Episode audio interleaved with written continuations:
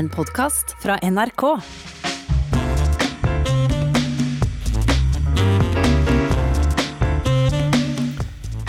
Nå i midten av juni møtes lederne i alle Nato-landene for å diskutere alliansens nye langtidsstrategi under eh, tittelen Nato 2030.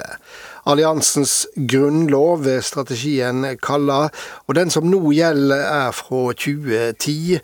Og da var Russland nevnt som en strategisk samarbeidspartner, mens ingen så grunn til å ta med Kina i det Nato skulle interessere seg for. Nå ser det helt annerledes ut.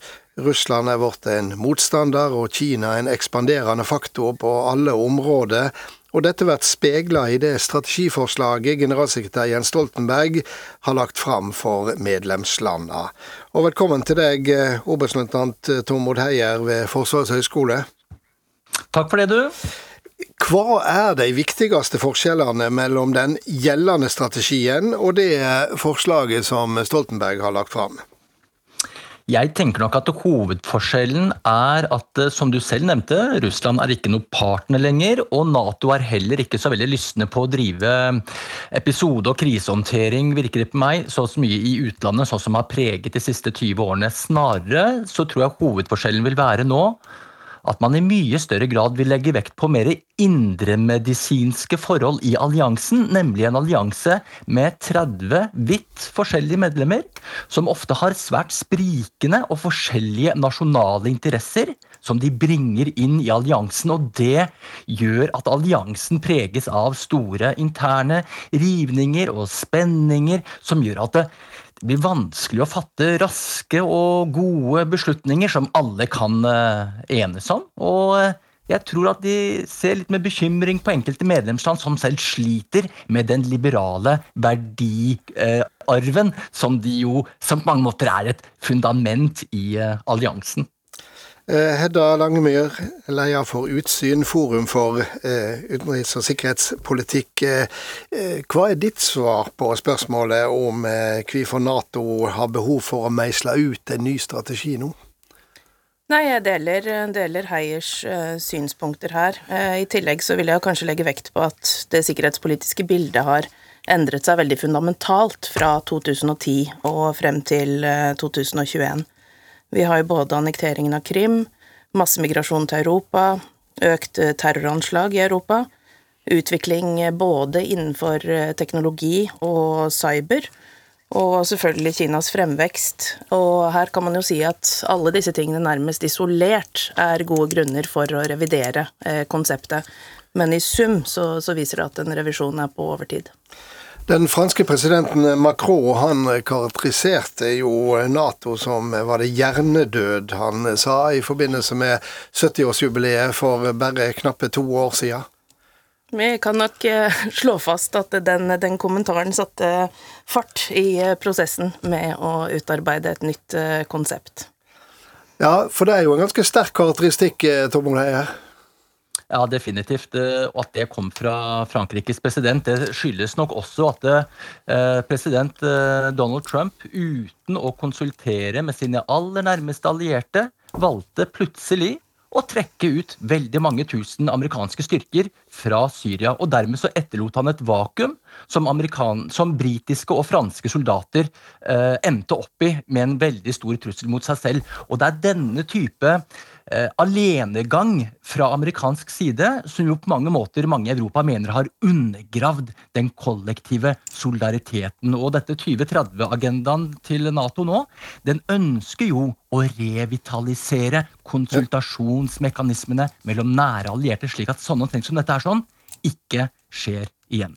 Men samtidig var du inne på Tormod Heier, at um, dette også går litt bort ifra det konseptet da en er litt med overalt, i hvert fall der amerikanerne er med. Men samtidig så trekker en inn en sørasiatisk dimensjon i dette, med, med fokus på Kinas rolle. Og der ser vi at Erna Solberg har vært ganske skeptisk og har sagt at Nato ikke kan være alle mulige steder. Hva, hva mener hun med det? Jo, hun mener nok det som føyer seg inn i en lang norsk eh, tradisjon som også kjennetegner veldig mange andre små europeiske allierte som er helt avhengig av amerikanske sikkerhetsgarantier.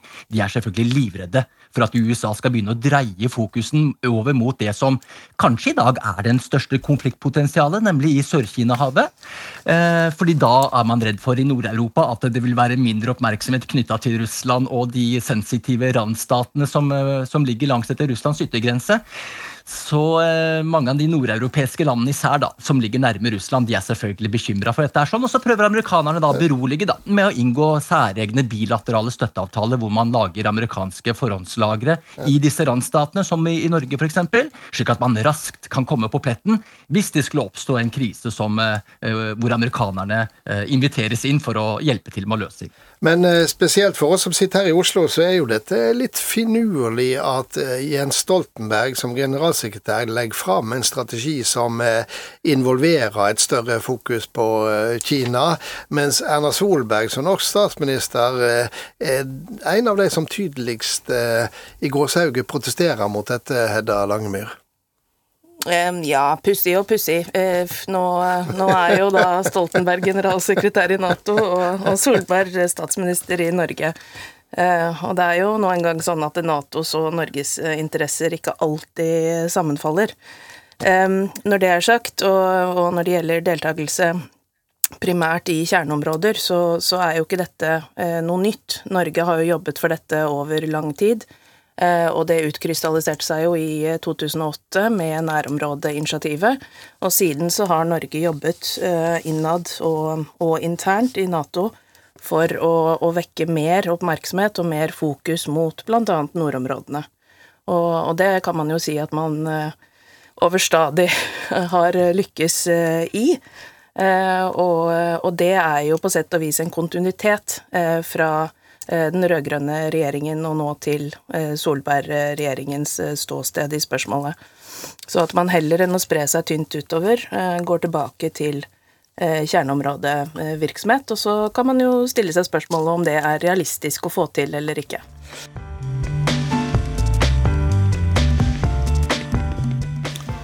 Ja, jeg sitter fremdeles her med oberstløytnant Tormod Heier og leder for Utsyn Hedda Langemyr. Og Tormod Heier, Været endrer seg jo hele tida.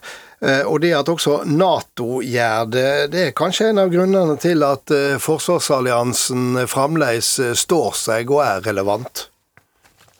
Ja, det legger jo også denne nye rapporten til grunn. At eh, man er helt avhengig av å, å tilpasse seg nye trusselbilder etter hvert som de vokser fremover, slik at alle medlemmene fortsatt skal se en, eh, en nytte av å være med i denne verdens mektigste alliansen. Ikke minst når det er blitt 30 medlemmer, ikke 12, som det opprinnelig var i 49. Så det å hele tiden tilpasse seg, men med så mange nye medlemmer, det er selvfølgelig eh, vanskelig. Ja, fordi at eh, det er ikke noe ensarta forsamling, dette her, eh, Hedda Langemyr? Nei, definitivt ikke. Og som Heier var eh, inne på, så er jo også utvidelsen av Nato gjort det langt mer utfordrende, også med forhandlinger internt. Dette handler jo mye om at de østeuropeiske landene ser Russland som sin primærtrussel, mens man sørover i Europa i mye større grad fokuserer på terror eksempelvis, eller massemigrasjon eh, som de største utfordringene eh, mot freden. Og, og, da når man får Kina på toppen av det hele, som skaper en utfordrende situasjon, vil jeg si, for Europa, ettersom Kina er en av våre primære handelspolitiske partnere, og vi er dønn avhengige av internasjonalt samarbeid med Kina på en rekke felt, ikke minst for å bekjempe bl.a. klimatruslene. Så, så, her blir det en interessant manøvrering for Solberg og co. Eh, fremover. Og så Tom, har vi Nato-landet Tyrkia, som har vært med i lang, lang tid, som ikke akkurat er noe eh, vestlig eh, demokrati? Nei da, ikke i det hele tatt. Sammen med Hellas så fikk jo disse landene, mot sterke norske protester, lov til å bli medlem i Nato i 52. Og eh, man har nok, Det er noe sånn i Nato at det er kjøttvekta som rår, og, Na, og Tyrkia er en av stormaktene i Nato. og Dermed så har man også ønsket å imøtekomme en del av de tyrkiske bekymringene for å holde de også eh, inn i alliansen. slik at eh, jeg tror nok at det konseptet som kommer, vil bl.a. legge vekt på eh, internasjonal terrorisme, og ikke minst det som skjer i Midtøsten og i Nord-Afrika, som jo er på mange måter Tyrkias eh, bakgård. Så ja, det tror jeg nok er, Tyrkia er godt fornøyd med. For dette terrorbegrepet i seg selv er jo et sånn sekkebegrep som alle stormaktene kan bruke til å leg legitimere sine egne operasjoner, og eventuelt delegitimere motparten. Hadde det vært en fordel om Norge hadde nådd fram i 1952, og at Tyrkia ikke kom med? Var det et spørsmål til meg? Eh? det var et åpent spørsmål, men jeg registrerte at det ble taust. ja, nei da, du eh, jeg, jeg, det, er, noe ambivalent over det hele. ikke sant? For På den ene siden så skal jo alliansen egentlig bare bestå av eh, liberale demokratier som deler det samme verdigrunnlaget med menneskerettigheter og rettsstatsprinsipper og demokratiske styringsregler. Og så tar man allikevel inn, eller man tok da i 52, likevel inn eh, f.eks. Tyrkia og Hellas, som da var militærdiktaturer. Eh, av rene geostrategiske hensyn for å demme opp for den sovjetiske flåtestyrken som var eh, i Svartehavet. Ja, jeg, jeg, tror jo at eh, altså Natos nå fornyede eh, fokus på altså både ideologisk, verdimessig og politisk, det, det kan jo også volde alliansen noe hodebry. Ikke bare pga. Tyrkia, men også pga. Ungarn. Eh, så, så idet vi skal inn og veldig sterkt eh, forfekte eh, hvilke verdier som skal ligge til grunn for alliansen, så får vi et lite forklaringsproblem når disse landene da er medlemmer. Et annet aspekt vi bør innom, er jo eh, dette med terror, som alt har vært eh, nevnt. Eh, Nato er jo snart helt ute av Afghanistan etter en 20 år lang krig, som ble initiert av angrepet mot tvillingtårna i New York 11.9.2001. Slik sett ble jo krigshandlingene i Afghanistan definert av kampen mot terrorisme. Også kampen mot IS var det mye snakk om i Nato. Men hva, for plass har kampen mot terrorisme nå i alliansen framover, Hedda Langemyr? Um, jeg vil jo fremdeles si at, um, at terrortrusselen er um, altså vedvarende, og at den er i fokus hos, hos mange medlemsland, men, uh, men kanskje spesielt uh, sørover uh, i Europa. Så, så, det er en mer presserende trussel for de søreuropeiske alliansemedlemmene enn det er for eksempelvis oss her i nord. Et annet frontavsnitt, eh, Tormod Heier, eh, som virkelig rivende utvikling, det er jo den digitale eh, krigføringa. Hvor viktig er dette, og dermed cyberforsvaret, i dagens Nato? Jo, den blir bare mer og mer viktig, fordi stadig flere av Nato-landene de legger både sin militære og sin politiske styringsevne til denne globale IKT-infrastrukturen. Og det er klart Når den settes under press og eventuelt eh, degraderes eller kanskje sågar ødelegges, så vil jo eh, lammelsen i store deler av styringsevnen eh, forsvinne. Så dette virker det som meg som har blitt mye mer oppmerksom på de senere årene. Og ikke minst også hvordan denne IKT-infrastrukturen, denne digitale samfunnskritiske infrastrukturen, også utgjør en, en utfordring internt i Nato-landene. Fordi eh, påvirkningsoperasjoner f.eks. fra Russland eller Kina nører oppunder høyrepopulistiske eller antidemokratiske krefter som får enda mer grobunn, og dermed kan bidra til å hva skal jeg si, nesten sprenge alliansen innenfra. Jeg vil gå så langt som å si at den største trusselen mot, mot eh, Nato den kommer jo ikke fra Kina eller Russland men den kommer innenfra. Fra eh, sam manglende samhold og økende fragmentering innad i de innenrikspolitiske landskapene i medlemslandene selv. Og dette virker som at eh, denne 2030-rapporten til Nato faktisk er eh, ganske bekymra over.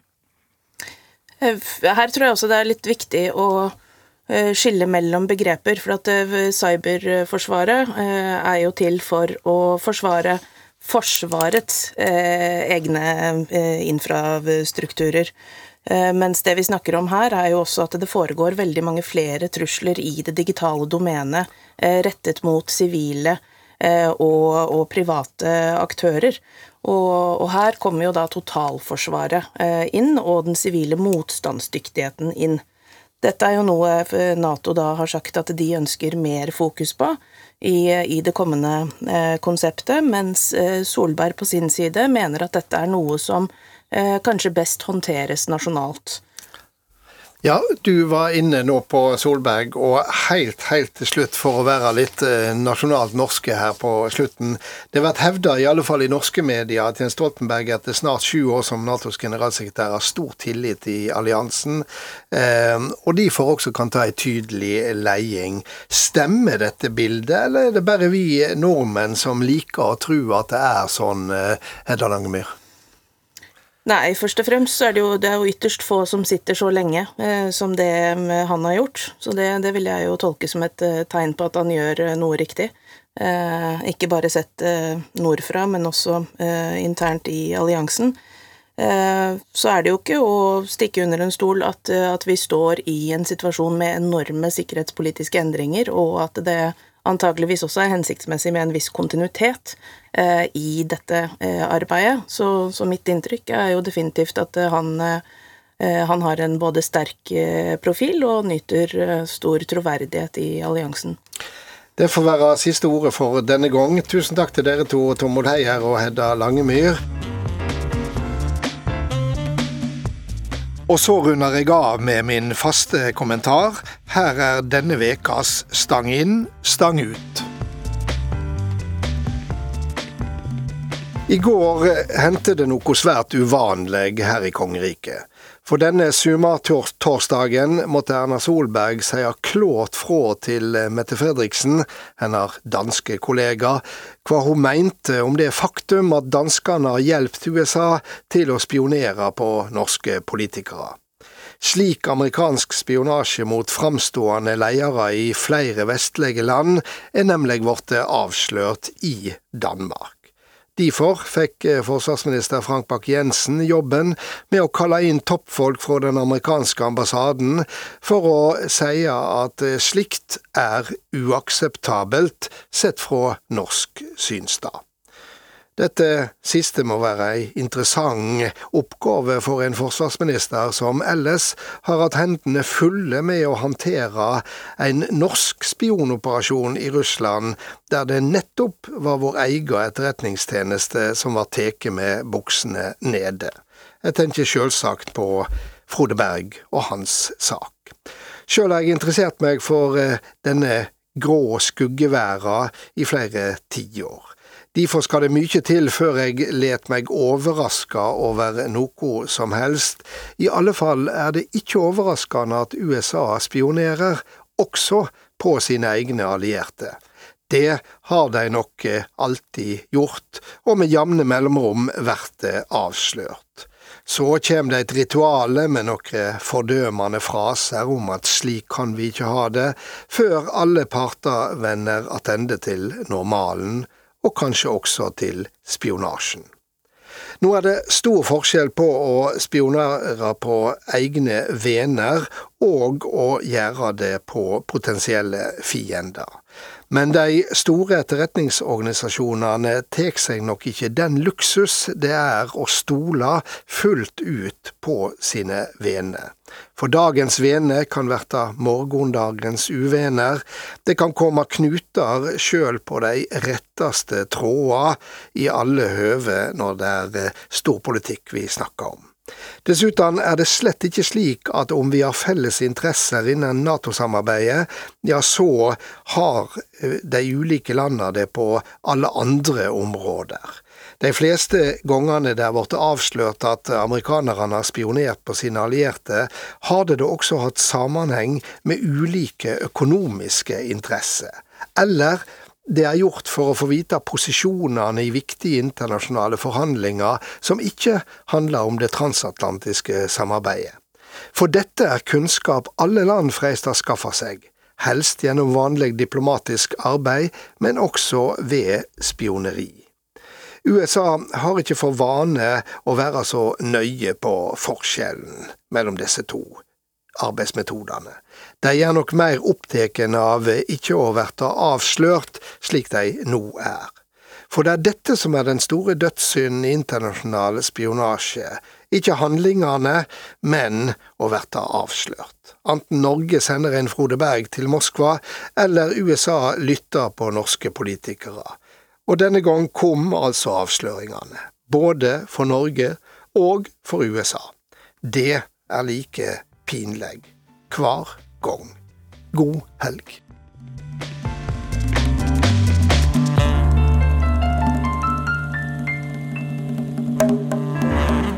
Du har hørt en podkast fra NRK.